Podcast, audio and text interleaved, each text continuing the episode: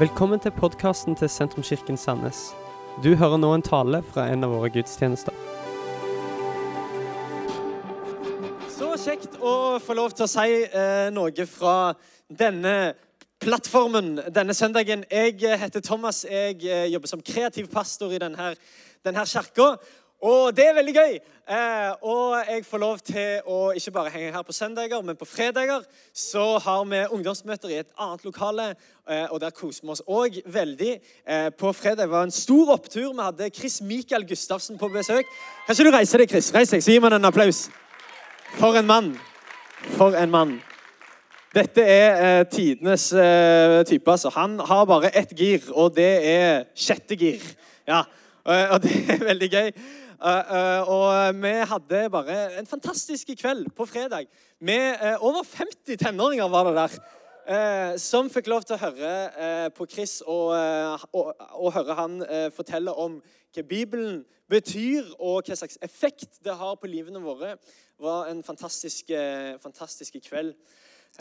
Og det er bare et privilegium, må jeg få lov å si, å få lov til å henge der og se hva Gud gjør over tid og gjennom enkeltmennesker. Det er konge. Jeg eh, har jo gleden av å få lov til å dele noe i dag. Em, og vi har en serie på gang eh, som heter 'I begynnelsen var ordet'. Eh, og før eh, noen her er liksom, liksom Før vi kan gå videre, så må jeg bare si at jeg har to forskjellige sokker på meg i dag.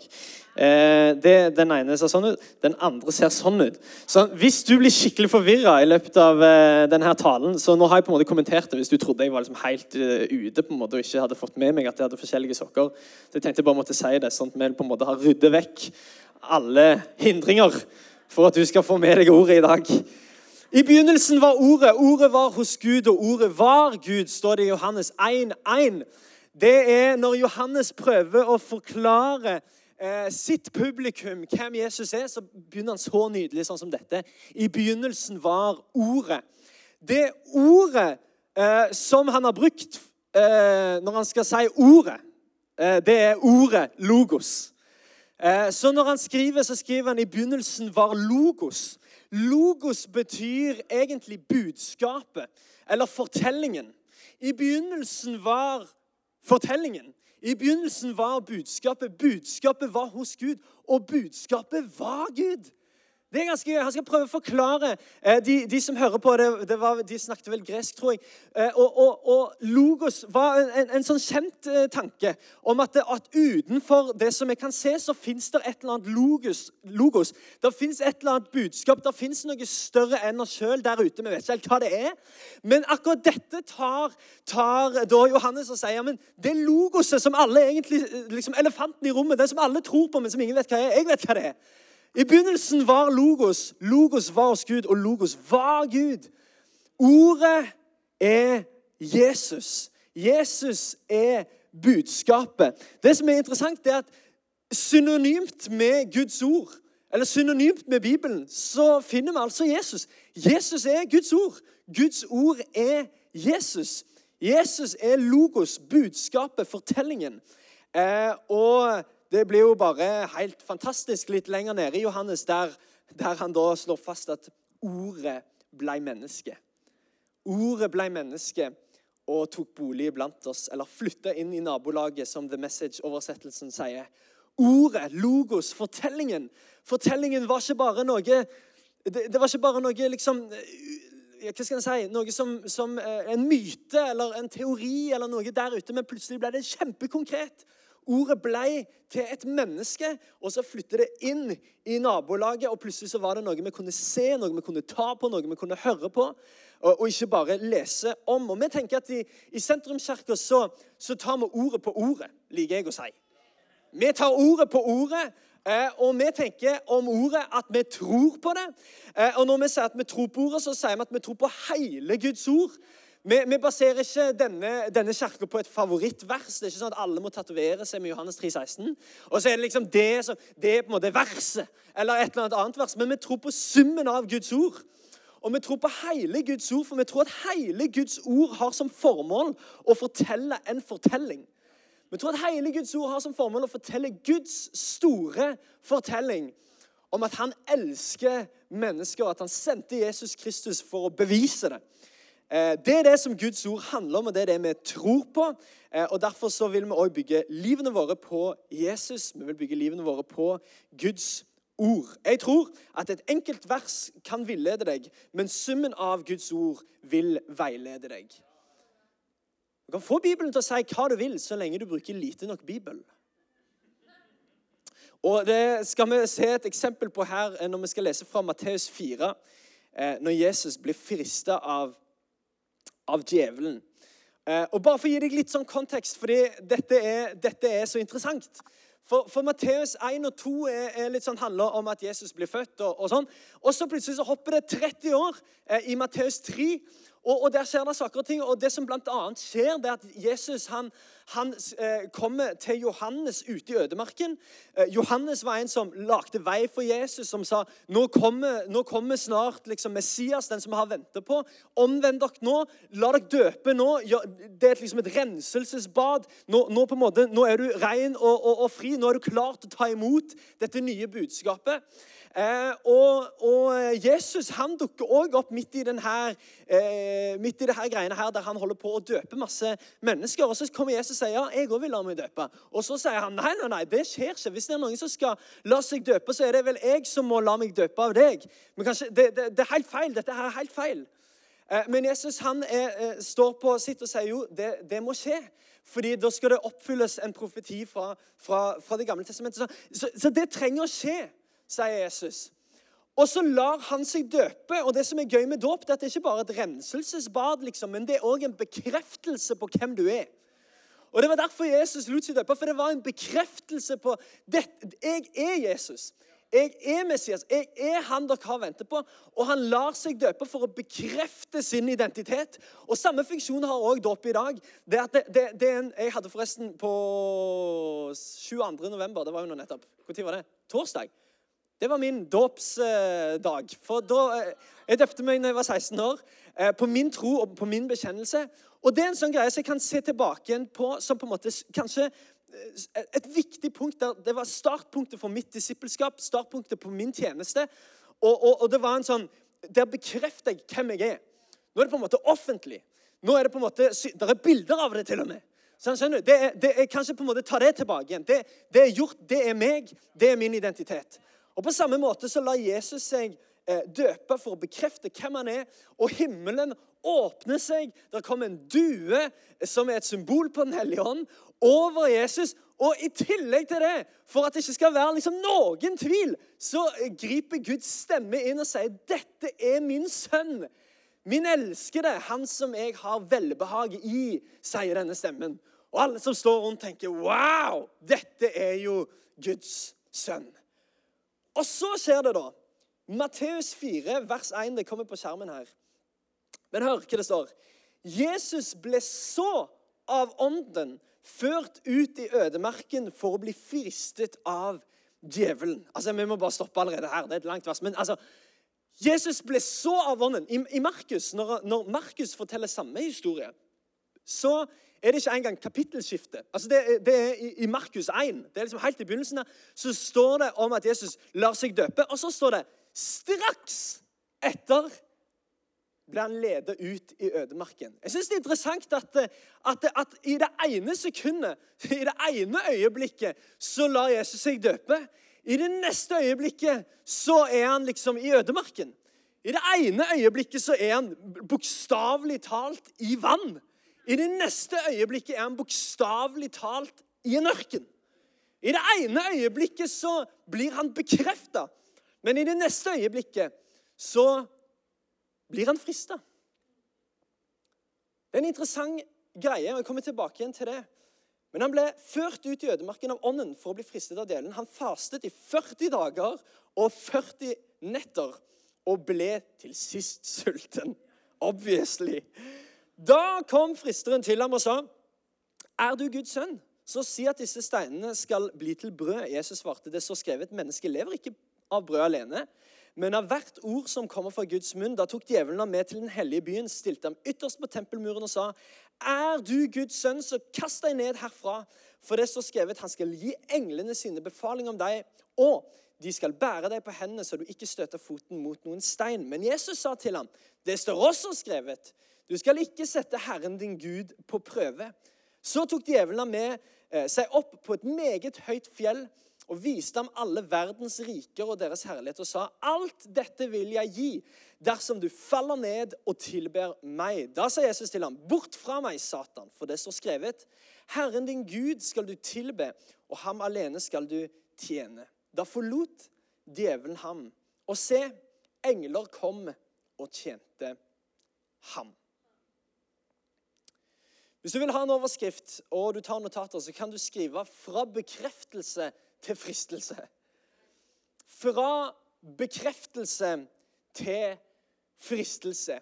Jesus går bokstavelig talt fra bekreftelse til fristelse. Fra dåp til krig, egentlig. Han går fra komfort til konflikt. Han går fra fellesskap til isolasjon. Han går fra å høre en stemme fra himmelen til å plutselig høre en stemme fra helvete. Jesus går fra å bli bekrefta til å bli satt spørsmålstegn til. Jeg synes Det er interessant at Bibelen sier at det straks etter, rett etter han var blitt bekrefta, så måtte han gjennom en fristelse. Jesus viser oss egentlig her hvordan veien fra utrustning til angrep veldig ofte er umiddelbar. Veldig ofte så er det neste steg etter du har, etter du har blitt bekreftet av, av, Gud, bekreftet fra himmelen, bekreftet på hvem du er, etter du har tatt imot en identitet fra himmelen og fått på en måte, dette er den du er, og Gud elsker deg, og Gud har en plan for deg, så girer vi oss liksom Wow, dette er fantastisk. Men veldig ofte så er neste steg en eller annen utfordring. En eller annen fristelse. Og sånn var det òg for Jesus. Og kanskje så er vi meg og deg et offer for en slags sånn illusjon som, som, som eh, fins i kristenheten generelt, kanskje, og kanskje også spesielt i Vesten, der, der, vi, der vi, sier til oss sjøl at, at, hvis Gud virkelig, virkelig er glad i meg, da kommer jeg ikke til å møte noen motstand.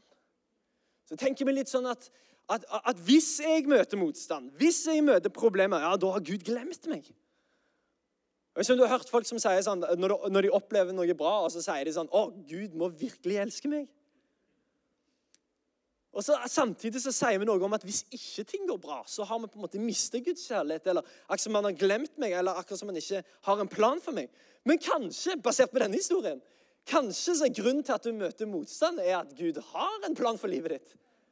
Kanskje så er grunnen til at du opplever trengsler og motstand og vanskeligheter, egentlig bare tegn på at Gud ikke har glemt deg, men at Gud har et kall over livet ditt. For det var det som var casen til, til Jesus. Han gikk fra bekreftelse til fristelse. Han gikk fra å være trygg på hvem han er, til å plutselig bli satt spørsmålstegn til hvem han er. Vet, et liv i etterfølgelse av Jesus det er, ikke, det er ikke synonymt med å ha et problemfritt liv. Å leve generelt sett kommer jo ikke med noen garanti for at ikke ting kan bli vanskelig. Og Per Fugelli, som, som, er en, eh, som, er død nå, men som, som, var en tenker og en eh, fantastisk mann som har skrevet mye, mye bra i norske eh, aviser og, og sånn, han, han, han, snakker om, om eh, kronisk skuffelse.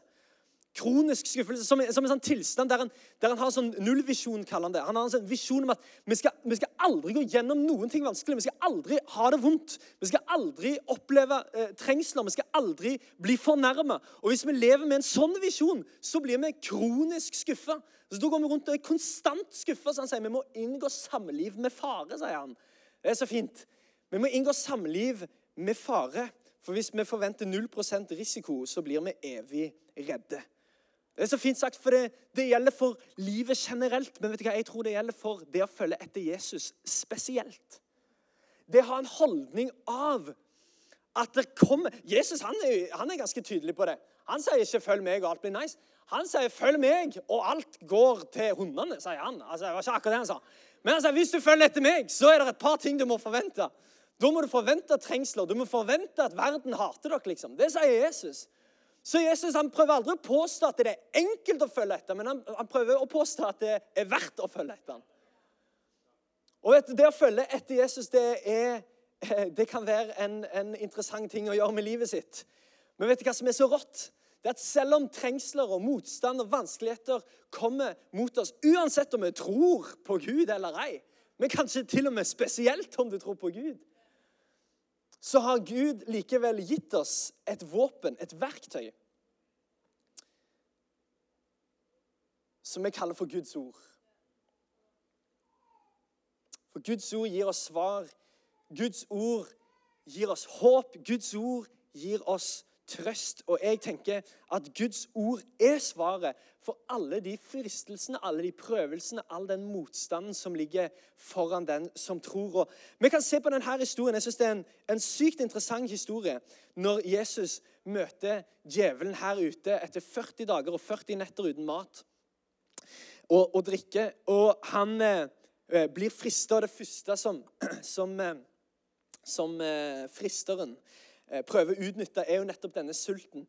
Eh, og han sier til han, kanskje du bare forvandler disse steinene til brød? Du som er Guds sønn. Hvis du er Guds sønn, liksom, ta så bare gjør om disse steinene til brød, og så blir du mett. Men Jesus sier ja, men jeg lever ikke bare av brød, men av hvert ord. Hvert et ord som kommer ut. For Jesus så var ordet mer tilfredsstillende enn brød, liksom. For Jesus så var ordet mer tilfredsstillende enn mat. Og Vi skal se på disse tre, eh, disse tre prøvelsene eller fristelsene som djevelen kommer med. Eh, og vi skal se hva det kan eh, bety for oss i dag. Jeg håper det vil velsigne deg. Jeg har jobbet sykt mye med det her, og jeg opplever at, at Gud eh, taler til meg, i hvert fall. Så jeg håper det er noe for deg òg her. La meg be en bønn. Jesus, vi er bare så takknemlige for at du er her midt iblant oss. Må vi takke deg for at du er Ordet, og at du ble til menneske for å vise en gang for alle hvor mye du elsker oss, og hvor mye himmelen har lyst på oss. Jesus, vi kommer framfor deg med, med, med forventning, eh, og vi ber om at du fyller den tiden vi har sammen nå når vi skal åpne disse tre poengene. At du taler til hver enkelt en. Amen. Amen, amen. Guds ord er svaret når du blir frista til å ta snarveier. Det er mitt første punkt. Skriv det gjerne ned. Jeg tror at Guds ord er svaret når du blir frista til snarveier. Jeg er elendig på snarveier, må jeg bare si. Jeg er helt utrolig dårlig på å ta snarveier. Karo er ekstremt bra på å ta uh, snarveier. Hun vet om alle snarveiene i hele Sandnes. Jeg tuller ikke. Du, uansett når vi går tur, så uansett hvor vi går, så har Karo en eller annen snarvei. liksom. En eller annen, liksom, å, kult. Og så Eh, veldig ofte, 99% av tida, så leder det faktisk fram til der vi skal. Utrolig god på snarve. Bare vet liksom, ah, dette er en snarve. Og så foreslår jeg noe. ja, men Kanskje hvis vi går inn her, at vi kommer fram. Nei, nei, nei, det, det kommer ikke til å skje. Mens Karoline har en sånn sjette sans på de greiene der. Og bare gå inn her, så kommer vi fram. Og da kommer vi litt raskere hjem, eller da kommer vi litt raskere der vi skal. Og når jeg går alene og skal prøve meg på snarveier, da er det, det ender alltid katastrofe. Jeg ender alltid opp i garasjen til noen. Altså uansett. Uansett så havner jeg på en måte feil plass. Og så tenker jeg at dette skal være en snarvei, så går jeg inn denne snarveien, følger den snarveien kanskje ganske lenge. Og så ender det opp med nei, hæ, her er det jo helt umulig. Her er det jo gjerde og gitter og kuer og garasjer. Sant? Så må jeg liksom gå tilbake igjen der jeg kom fra, og så ender det opp med, med, at det som jeg trodde var en snarvei, bare ble til en omvei. Og så ble det plutselig mye lenger å komme seg der jeg egentlig skulle. Men vi skjønner at livet byr på noen sånne eh, eh, desperate tidspunkter noen ganger der det er fristende å ta noen snarveier.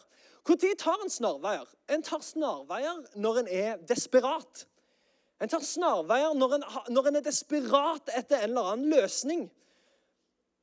Når vi, des, når vi er, desperate på, på, forandring, når vi er desperate på råd, når vi er desperate på, på visdom eller på bekreftelse, da leter vi etter bare noe som kan stille den der eh, fristelsen eller stille den der trangen.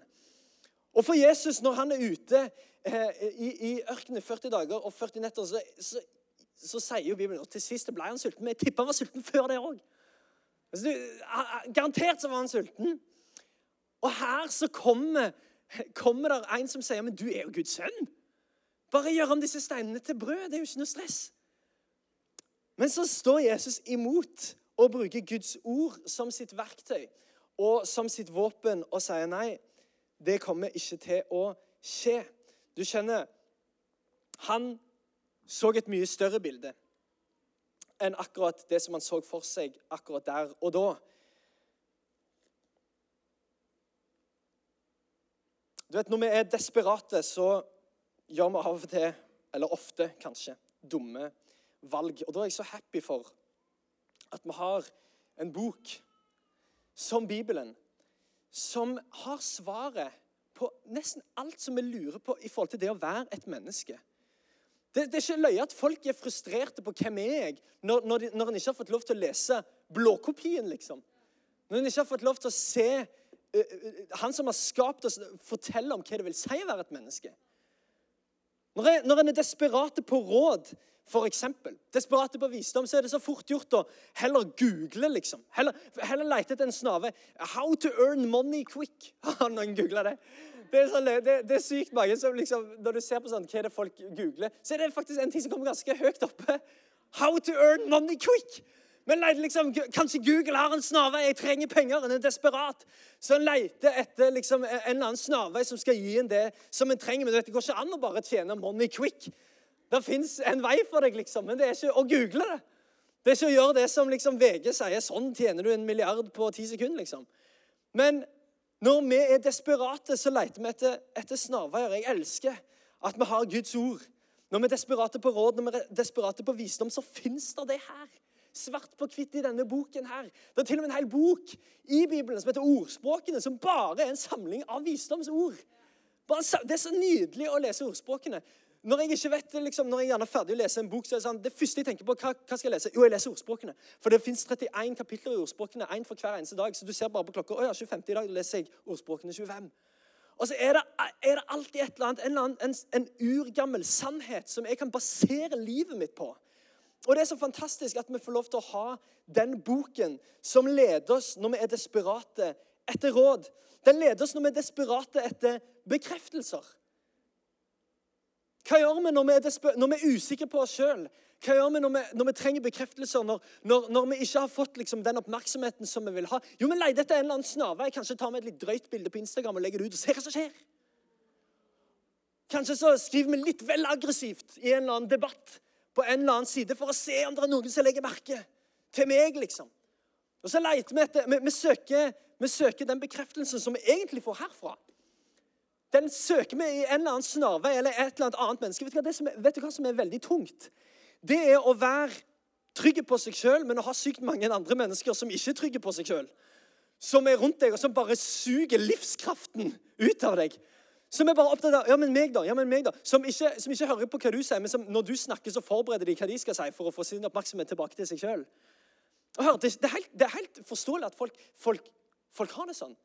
Hvis en ikke har fått lov til å åpne denne boken.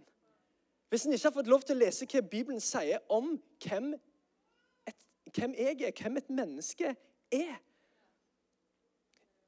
I dåpen så hører Jesus dette er min sønn, min elskede, han som jeg har behag i. Vet du hva? Det er den bekreftelsen vi trenger.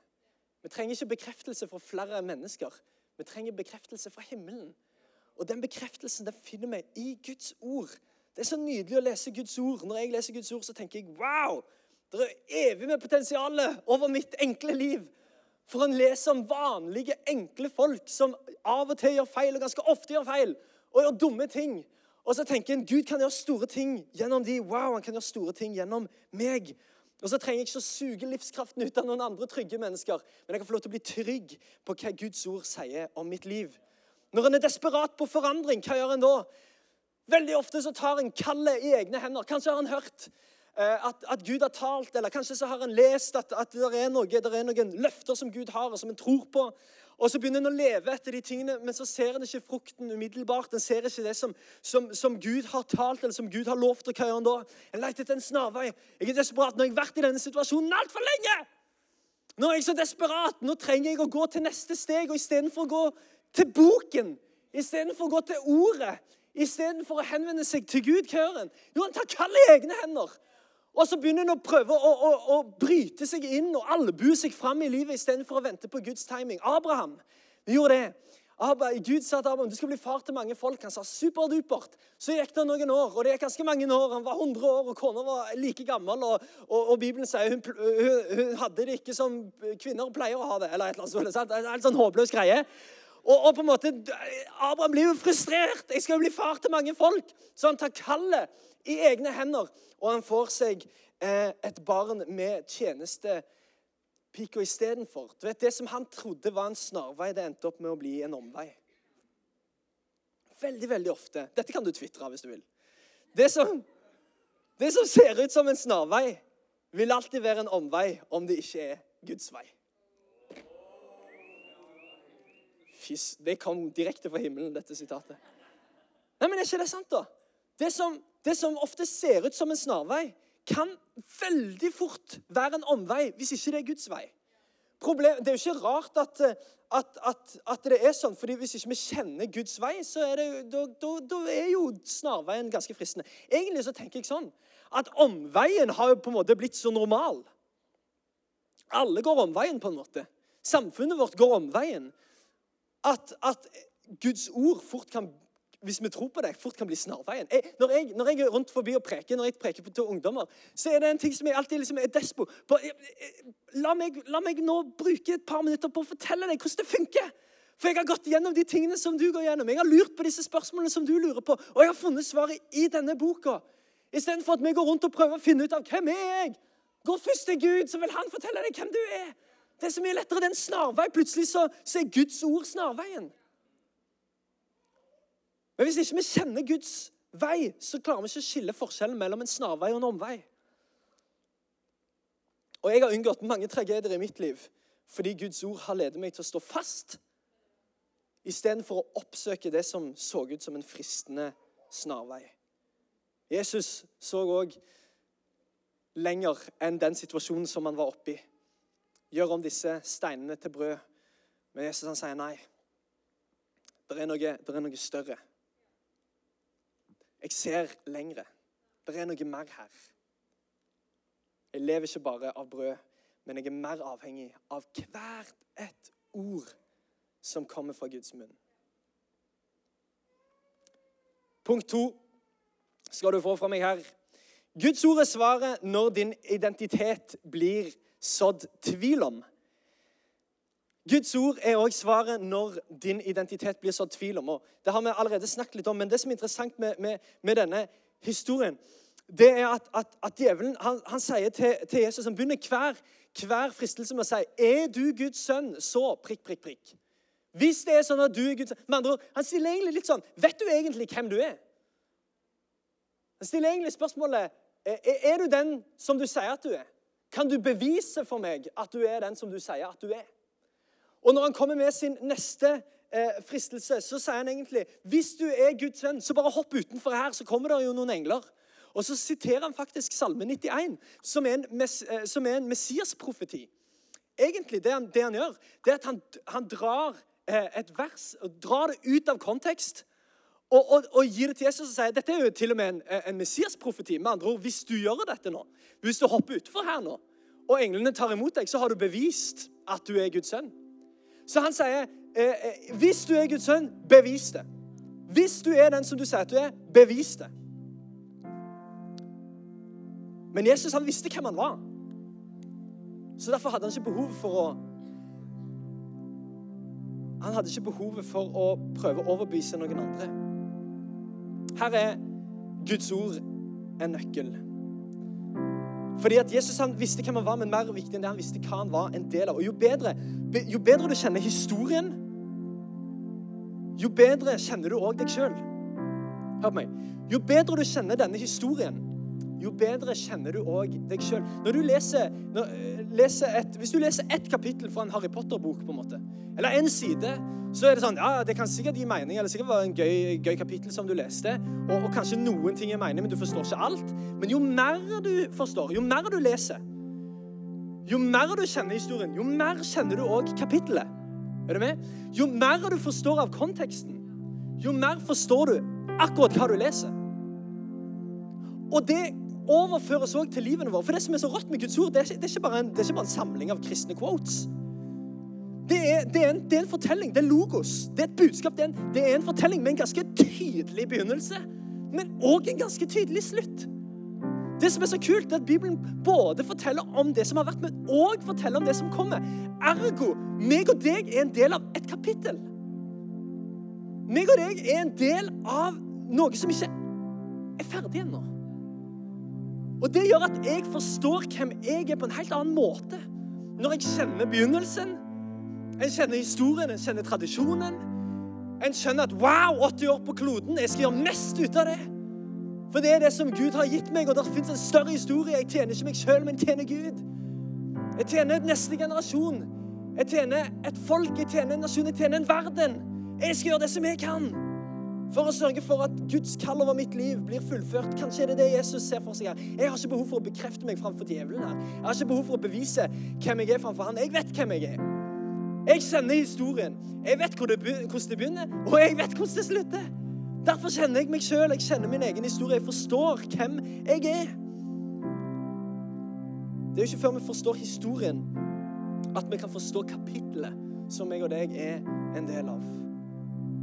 Og den tredje og siste tingen mens vi går mot en avslutning her, det er at Guds ord er svaret når noen prøver å omdirigere tilbedelsen din. For det er det siste trikset som djevelen har til slutt. Han sier, 'Hvis du er Guds sønn, kan du ikke bare Eller egentlig det han sier, at han, han tar han med opp på et fjell, og så ser de alle rikene. De ser alle ser egentlig hele verden. Sier alt dette skal bli ditt. Alt dette her. Alt dette kan du få. Alt dette kan du få. Men bare hvis du tilber meg. Og Jesus han lar seg ikke knekke, så han raskt og kontant svarer han det kommer ikke til å skje. Gud alene skal jeg tilbe. Gud alene skal jeg tjene. Ved tilbedelse er ikke bare lovsang, men tilbedelse er egentlig Eh, så mange andre ting. Det, er, det, handler om vårt fokus, det handler om vårt blikk. Det handler om hva som får tilgang på hjertet vårt. Det handler om hva vi gir tilgang eh, Eller ja Vår tid, våre ressurser, våre talenter. Alt dette her. Det er så mye mer enn å bare synge noen sanger. Derfor er tilbedelsen utrolig viktig. For tilbedelse handler om å posisjonere seg på en måte der han får lov til å motta fra himmelen. I vannet, når Jesus var i vannet og lot seg døpe, så kom Guds ord over han. I ødemarken så kom Guds ord ut av han. Hva betyr det? Det betyr at han har allerede posisjonert seg i tilbedelse av hvem Gud er, i tilbedelse av Gud. Og i den tilbedelsen så taler Gud over ham. I den tilbedelsen så bekrefter Gud Det er det som er så rått når vi står her og synger. Når vi står her og løfter vårt blikk mot himmelen, så er det så digg, for da innser vi jo at himmelen har vårt blikk på oss. Og i den relasjon, i den greia der, så taler himmelen til oss, og så bekrefter himmelen oss, og så snakker Den hellige ånd til oss. Derfor så er tilbedelse utrolig viktig, for det er bekjennelse egentlig av hvem som får lov til å være sjef i livene våre. Ingenting er mer kraftfullt enn våre bekjennelser. Og Jesus vet det. Jeg kommer ikke til å tilbe noen andre enn Gud alene. Han er den eneste som fortjener min tilbedelse, og Jesus, han så lenger enn bare den situasjonen. Kan vi reise oss opp på føttene?